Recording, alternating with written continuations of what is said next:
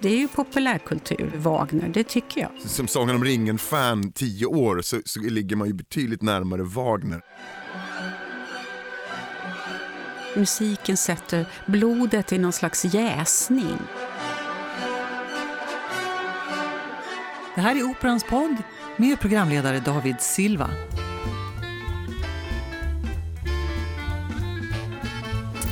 Sen är jag ju hårdrockare, då gillar man ju Wagner förstås.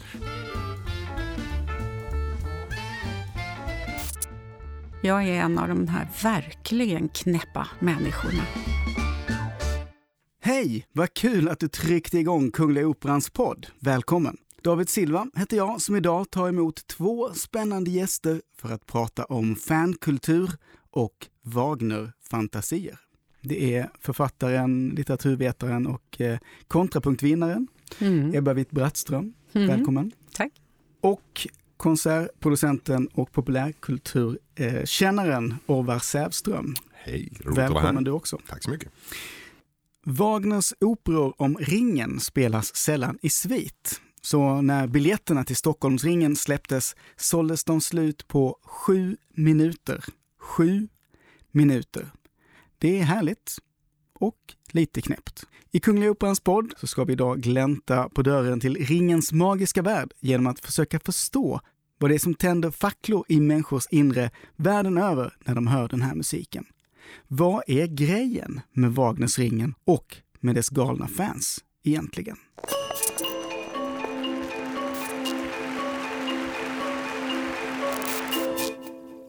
Och allra först idag så har vi med oss eh, ett riktigt ringen-fan, Nikolaus von Davidsson. Hej Nikolaus! Hej David! Du hann få biljetter till eh, ringen. Ja, vi hade tur. Det var faktiskt min sambo som eh, såg till att vi låg uh, på minuten när de öppnade och... ehm, Hur gjorde ni då? Alltså, tryckte ni, Ehm, tryckte ni eller ja, hur? vi hade pratat om att vi skulle väl passa på att köpa och eh, sen var det han som försökte liksom logga in för direkt när de släpptes och så, så fick vi biljetter och sen några minuter senare var de ju slut. Hur länge sedan var detta?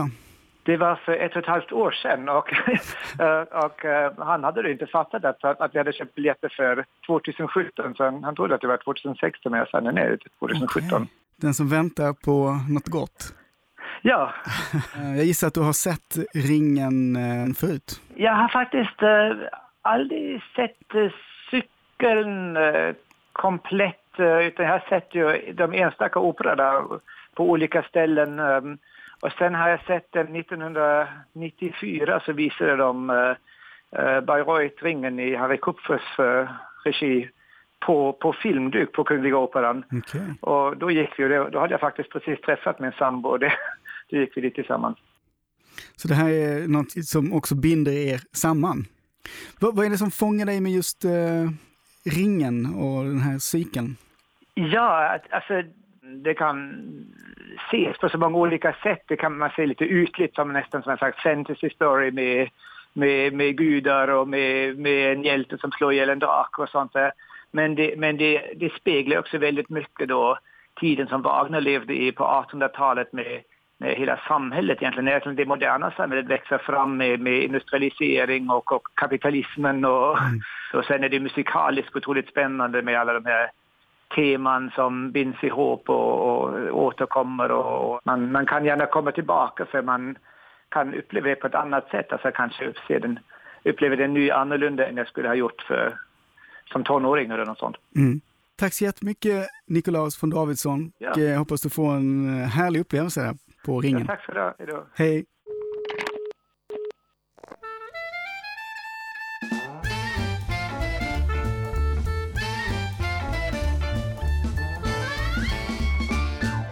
Där hörde vi Wagner-fantasten Nikolaus von Davidsson som var med på telefon från Uppsala.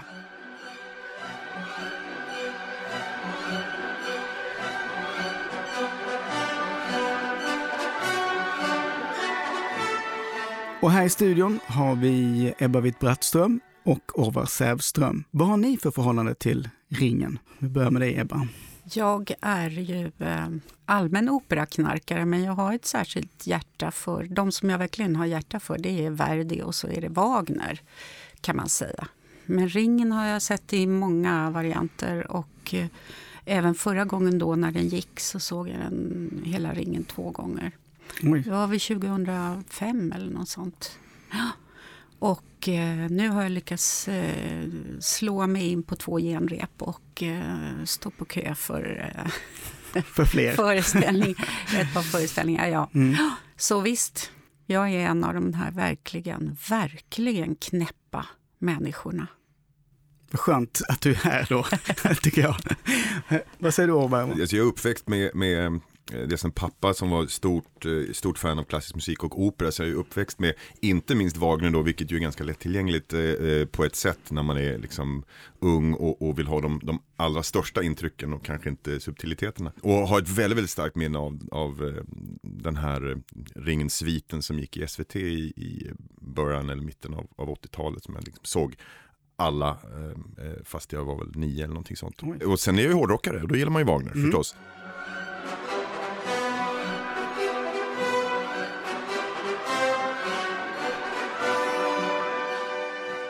Vi har ju varit inne och petat på det nästan direkt, eh, just det här att storslagna och så här, men vad är det som fångar folk så hårt? Jag tycker ju att eh, alla Wagneroperor har en extremt, hur ska man säga, musiken sätter blodet i någon slags jäsning. Det stiger en mot huvudet och det är väldigt, väldigt speciellt. Som jag, jag brukar säga, Tristan och Isolde, att det är ju ett jättelångt erotiskt förspel. Man vacklar ut och eh, ja, det får konsekvenser. kan få. Så det är någonting erotiskt och det är livsförhöjande och det har ju med musiken att göra. Men sen så om, vi, om man ser till ringen som, eh, som story så är det ju helt oslagbart. Och det är massor av psykologi som också kan vara Det stora, enorm. stora dramat liksom. Ja, det kan väl liksom kännas enormt modernt. Jag var ju, eh, jag hör ju till den generationen som, som växte upp innan fantasy var etablerat som term i Sverige. Jag var Tolkien-knarkare som, som barn och ungdom eh, och, och frenetiskt letade efter det då som inte hade ett namn då. Och det var ju inte förrän slutet av 80, början på 90-talet som termen fantasy införlivades i Sverige. Så att de få beröringspunkter som fanns, det var ju gå till biblioteket och låna en bok med grekisk mytologi eller asatro-grejer, så var det ändå Ja. den här känslan av det magiska, det fjärran, fantasin och äventyret. Och att, att man då, man växer upp med klassisk musik och säger att om man ska välja mellan Renguldet och Barberarens vilja, så, så, som Sagan om ringen-fan tio år, så, så ligger man ju betydligt närmare Wagner, även om man sen kan lära sig uppskatta annan opera också. Det finns ju något otroligt vitalt över, över, över blod och mörker och, och, och, och kamp. Liksom. Så att det är ju, det, är ju liksom, det, är det stora dramat. Men men det måste ha öppnat upp en, en hel värld av, av eh, nya upplevelser för dig när då fantasy kom som eh, stämpel. Det är ju en, en, alltid den här tudelade, dels, åh äntligen, äntligen börjar folk gilla det här. Och nej, det här är min lilla ägodel. Och så känner väl alla som har gillat någon form av smalare kultur eller popkultur eller någonting annat att man vill sprida evangeliet samtidigt som man vill hålla det för sig själv och säga att jag lyssnade minsann på det här bandet innan någon annan gjorde det och så vidare. Det är att vara ett äkta var fan Mm. på något sätt. Mm. Fast jag har inte alls det. Jag vill sprida, jag vill göds, gödsla med min eh, fascination. Så jag har nog en lite annan eh, syn på det där. Mm, det. Eh, folkbildning, vet du. Ja, Folkbildande. Nej, men jag tänker att eh, du säger blod och makt och stort och svart och mörker och ljus och sådär. Eh, du ser någonting annat där. Jag ser ju väldigt mycket någon slags intimisering eh, och, och väldigt grundmänskliga så att säga, situationer och predikament och eh, hur det skiter sig och svek och, och hopp och eh, allt möjligt. Mm. Och, även, och i ringen till exempel eh, så finns det ju i, i Valkyrian det här grälet mellan Våtan eh, som ju är liksom kulturpatriarken kan man säga ja, gudafadern där. Ja, med Fricka, hans hustru. Och de låter de plötsligt som... Eh, som liksom, när, när, grannar, ja, när grannarna bråkar. eller, förstår du? Det är sådär. Ja, eller, eller Sigfrid skäller på Mime som, som om han var en tonåring och Mime gnäller om hur mycket han har gjort för honom. Det är ju liksom, man känner ju igen sig som eh, eh tonårsmorsa. Så det är, det är ju det som är speciellt, de här kasten. Mm. Jo men precis, och det är ju det som är väldigt mycket av min fascination av all form av vad ska man säga, berättande populärkultur eller kultur. Eh, det är ju inte att saker eh, på ytan ligger nära oss. Jag blir alltid upprörd när folk säger oh men det här är en relevant film för svenska ungdomar för den utspelar sig på högstadiet och handlar om att vara utstött. Den stora vinningen i kulturen det är ju att se att eh, gudar i asatron eller att eh, någon varelse på Mars kämpar med precis samma mm. känslor och, och, frågor och drama som jag gör. Och det, det väcker ju, precis som du säger, en sån sak som ja, Wagner upp också. Och att den inre upplevelsen av någonting, alltså om man sitter i ett kök och, och pratar med någon, så kan ju så att säga den inre upplevelsen av det vara någonting helt eh, mm. enormt liksom, och dramatiskt och allt det som pågår inom en. Mm. Som man då en sån här ödesdimension som inte får plats mm. eh, hos eh, parterapeuterna, kan man säga. Att, man ändå, att det är de här rollerna som man alltid hamnar i och spelar eh, som har funnits så länge. Och eh, han gör ju det. Det, det är ju rätt det är ju populärkultur, eh, Wagner, det tycker jag. Mm, Han använder ju den här väldigt långa traditionen. Jag menar, isländska sagorna, det är ju nedtecknat 1200-tal men, men berättelserna är ju från vadå, 900-talet. Mm, ja, visst, visst. Och, så. och sen så är ju jag fascinerad så av den här kampen mellan det manliga, man säger, någon slags maskulin princip och det kvinnliga, den här ur eh, Erda som faktiskt tar våtan i örat och säger avstå från maktens ring. Annars kommer det att gå illa. Och gå illa. Och så. så det finns med från början. Det, finns ju, det börjar ju med renguldet, så, det, så sen fortsätter ju det här. Den fruktansvärda... Man kan ju verkligen se hela så att säga, för industrialismens framväxt. Och det var ju meningen. Ja, Wagner var ju eh, antikapitalist i en sån ganska enkel mening då, men i alla fall. Så det är ju väldigt, väldigt mycket. Det är verkligen klassamhälle och borgerskapets framväxt och allt möjligt. Nu har vi pratat lite om, om lite olika karaktärer i, i ringen och sådär. Är det någon karaktär som ni själva identifierar er mer med än någon annan? Det brukar ju vara så när man har någon tv-serie eller någon film att man känner ändå ja. lite mer för, för eh, jag vet inte, någon karaktär. Jag gillar ju jättarna får jag säga. Men det... Jättar. Jättarna?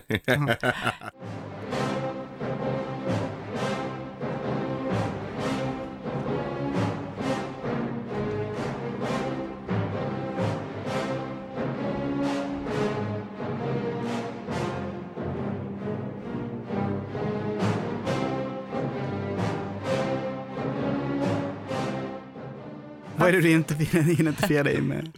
identifiering handlar ju inte kanske alltid om, om att bara känna igen sig utan att känna, känna empati för det. Så jag sidar väl alltid lite grann med just eh, utanförskapet och, och sådär. Så att, men, eh, men eh, Okej, okay, så du är jätte Om jag är jätte, vem är du då? Då, då är jag Brynhilde såklart. Ja, såklart. Därför att Brynhilde hon störtar ju gudarna. Hon gör ju ett fadersuppror som heter duga. Hon är favoritdotter till våtan. Mm. Och, så, eh, och hon är hans eh, vilja och hon gör det som hon inte får göra. Hon går ändå emot honom. Och då blir hon ju liksom försänkt i den här djupa sömnen och med en eld runt och bara en sån glad dåre som Sigfrid som inte tänker längre än näsan räcker och aldrig känt fruktan kan då befria henne. Och, eh, men sen så är det ju någonting så mänskligt att hon blir så sviken i den här kärleken. Uh, han sviker henne. Uh, det kan man ju känna igen. och sen, vad gör hon? Ja, men hon, hon ser ju till att hela uh, gudaätten går under. Jag tycker mm. det är tjusigt. Det är ju feministiskt. Som, som eh, pappa till en, en tonårsdotter så blir jag ju lite förskräckt men jag håller ju med dig, det är ju fantastiskt vackert. Jo men alltså hon, hon börjar som pappas flicka och hon slutar som en, en så att säga, kan man säga, ändå en ädelfeministisk eh, kvinna med, som då kan använda sin styrka på rätt sätt utan att gå eh, patriarkatets ärenden, utan tvärtom. Det är ju jättesnyggt. Ja, visst är det.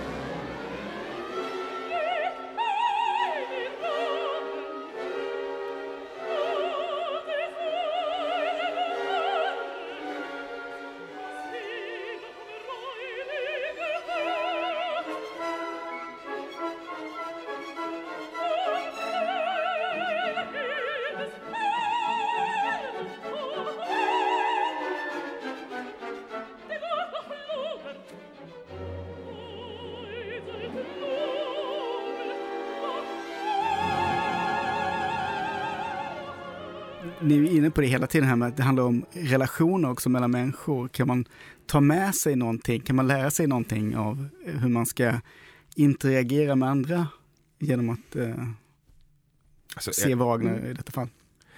på något sätt så tror jag ju att, att just den här känslan av att till och med, till och med gudarna står och käbblar som vid eh, frukostbordet. Eh, den, är, den är väldigt viktig, jag känner att, att jag, jag, är inte, jag är inte ensam i det här och jag är inte så, så jävla unik heller om jag ska vara ärlig. Utan jag är, vi, vi slåss alla med de här grejerna.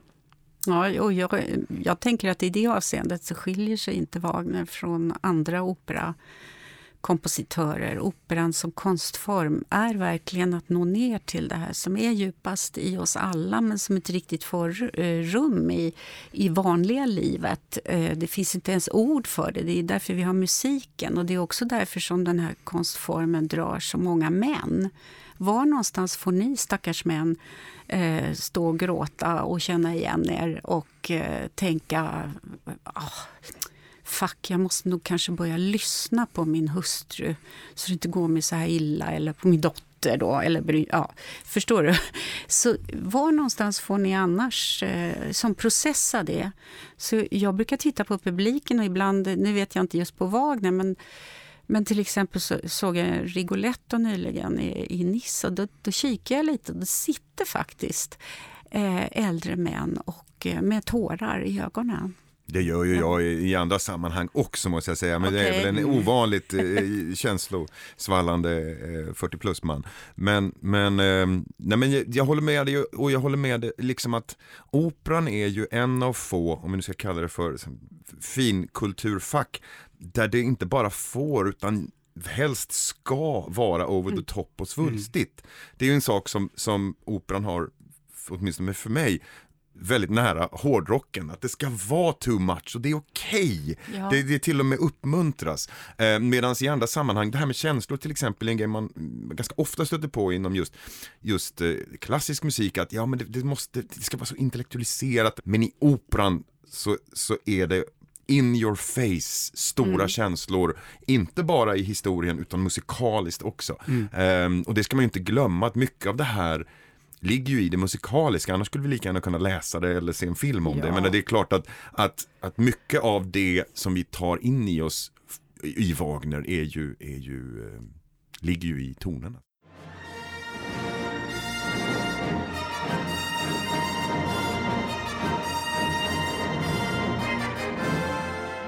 Pratade ju om hur, hur Wagner sträcker sig i, i det här fallet tillbaka till först 12 och sen 900-talet så att säga. Men Wagner sträcker ju sig framåt också eh, extremt mycket i, i, i filmmusiken. Eh, där man ju kan se då först Korngold eh, som plockar upp väldigt mycket av, av, av eh, Wagners och som ju själv har gjort bland annat Toterstadt och sådär. Men, eh, och, och som sen vidare framförallt då plockas upp eh, 1977 av John Williams. Som ju då gjordes eh, Star Wars tillsammans med George Lucas. Och det som, det som var grejen man ska komma ihåg är att, på 70-talet så gjordes det jättemycket science fiction-film och allting var så mörkt och dystopiskt och så skulle det vara minimalistiska elektroniska synt-soundtracks. Och så kommer John Williams och gör ett, ett storslaget romantiskt orkester-soundtrack till en rymdfilm och folk sa ni är galna. Det här förväntas inte publiken. Men det som han och George Lucas förstod det var ju att, att Star Wars hade ju mycket mer eh, med Errol Flynn att göra. och Då går man tillbaka till Kongold och går man till Kongold då går man till Wagner och sen så kommer hela ledmotivstänket och allting och sen omskapar man i princip soundtracket i Hollywood och helt plötsligt så, så, så är det det som gäller. Eh, så, att, så att Wagners hand sträcker ju sig ända fram till idag eh, i många olika sammanhang i populärkulturen.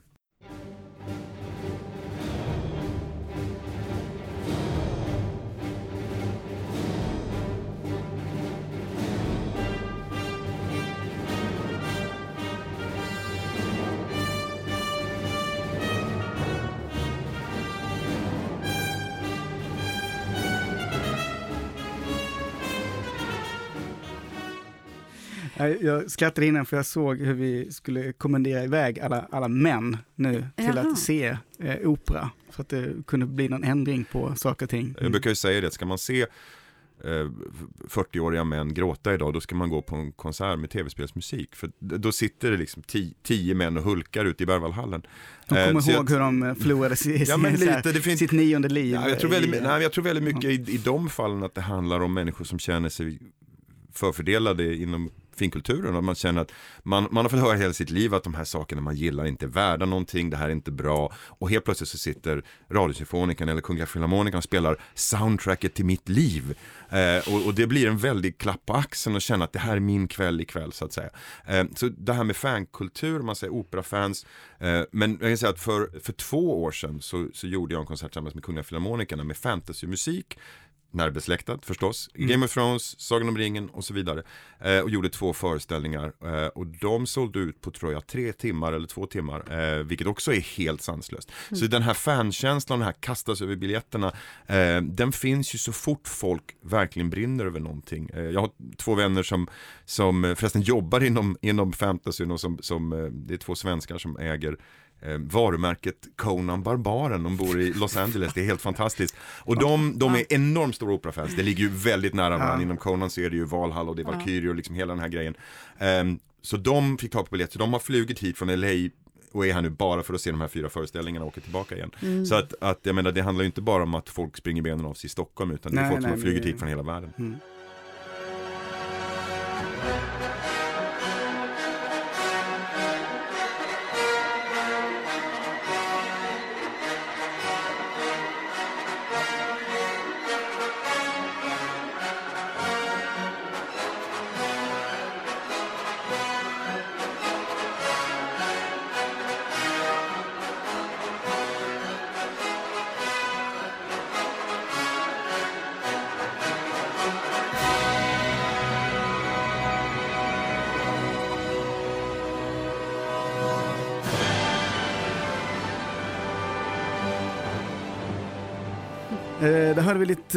Kort ur eh, Valkyrie-ritten. Och eh, Ebba, du eh, Flög reagerade nästan upp ur direkt. stolen. Ja, Flög, ja, ja, det är... Hade armarna ut och så. Ja. Vad var det du kände? Nej, du, du expanderar Mm. med den här musiken. Du, åh, du får ju in den i kroppen. Det är alldeles underbart. Det är som en liten shot. Mm. Eh, ja, nej, det är härligt. Allt vi pratar känns plötsligt så torrt. Mm. Man vill bara... Man kanske vill sjunga. Det tänker jag inte göra. Vi Nej, ska inte stoppa dig. Nej, nej, men det är någonting. Det är ju nå det där som man förr i världen kallades ganska enkelt för medryckande. Du är en del av den här föreställningen. Och det har förstås med det att göra att det är ändå fyra eh, så att säga, delar som du går igenom. Och eh, du kommer inte loss riktigt. Du är, går, du är i den där världen, du drömmer om den och den, den sitter där. Det är ju helt fantastiskt egentligen. Och, och att det är så långa föreställningar. Man får verkligen, som min pappa brukar säga, valuta för pengarna. för en Nu är, det, nu, är det, nu är det inte superbilliga biljetter får vi säga, men Nej. ändå. Ja, men ändå. Ja, jag håller med ändå. dig. Ja. Vad, vad tänkte du när du hörde ritten? Ja, när jag hör det här, alltså, det är ju en av, en av de mest, absolut mest kända Mm teman som finns inom, inom den klassiska musiken eller vad vi ska kalla det för. Um, men, men det är ju också så otroligt associerat med, med film. Um, så även om jag, jag ehm, tänker på Wagner så känner jag ju Apocalypse Now när jag hör det här. Eh, Coppolas eh, Vietnamfilm. Eh, där, där helikoptrarna kommer inflygande mm. till Valkyrieritten. Och det är ju någonting som har återkommit, det har ju blivit en så ikonisk scen att det återkommer i, i grej på grej på mm. grej, i tv-serier och allt möjligt. Och, och, för väldigt många så är det ju mer associerat med Apocalypse Now än med Valkyrien på något sätt. Eh, det som är roligt är ju att det är ju att Apocalypse Now-manuset är skrivet av en, en herre som heter John Milius, en helt fantastiskt spännande kille, som, eller, eller äldre man vid det här laget, som det finns en dokumentär om och som, som eh, jobbade i Hollywood och som, som eh, skrev manus och jobbade mycket med att omarbeta andras manus och sådär. En behind the scenes person som har betytt väldigt mycket. Eh, han skrev Apocalypse Now och, och, och det är ju han som har stoppat in Valkyrieritten i det här. Kan man ens höra det här längre utan att tänka på det där? Ja, jag gör ju det. Det är ju då den här mera maskulinistiska sidan ja. som ju också strider i, eh, hos Wagner med, mm. med den mera, då, ska vi säga, matriarkala eller Visst. feministiska. Så eh, jag gillar ju när de går i dialog, mm. när de brottas. Mm. Liksom. Det mm. knådas och mm. sådär. Så. Eh, egentligen så är det ju liksom den, den dramatiska sopranen. Nu, nu när Nina Stämmer sjunger Brynhilde så är det ju, jag får ju fullständig glädjefnatt. alltså det, det är verkligen så i ett stycke eh, kvinnokraft. Mm. I, I, den rollen, i den sången, i, i den typen av röst i, i musiken. Men det finns ju alltid en fara eller fara, men, men en, en risk när man använder någonting, eh, någon form av musik i, säg en film eller en tv-serie, mm. i, speciellt i en, en scen som man kanske kan, kan lista ut kommer att bli ikonisk att den på något sätt kidnappar den. Min mamma förlät mm. aldrig Stanley Kubrick för Singing in the Rain, A Clockwork Orange, mm. Eh, våldtäkts och misshandelsscenen. Hon sa det borde vara förbjudet mm. att, att använda en låt, för hon kan aldrig höra den låten utan att tänka på Clockwork Orange. Eh, och på samma ja. sätt så är för väldigt många just Valkyrien förknippat med Vietnamkriget idag och helikoptrar och bombning. Eh, men, men eh, det är ju en, en del av hela kulturvärlden, korsbefruktning och att saker gnuggas mot varandra och det är samma som att Wagner plockade upp eh, Eddan och de historierna och Jaha. gjorde någonting av allting, allting bakas ihop och, och eh, skapar sin egen referensram så att säga. Det man kan hoppas är ju att det kommer tillbaka, att så att säga Wagner, eh, att vi kan reclaima eh, Valkyrieritten till till Wagner. Men det är ju inget problem att den finns så att säga på olika håll. Det är ju bara bra. Mm. Ja. Tack så mycket. Ja, tack, ja, tack. Ja, ja, tack själv. Tack själv. Du har lyssnat till Kungliga Operans podd om Ringens galna fans. Programledare var David Silva. Gäster i studion den här gången Ebba Witt-Brattström och Orvar Sävström. Musik ur Wagners Valkyrian, också Nina Stämme i slutscenen ur Ragnarök och ledmotivet ur John Williams musik till Star Wars.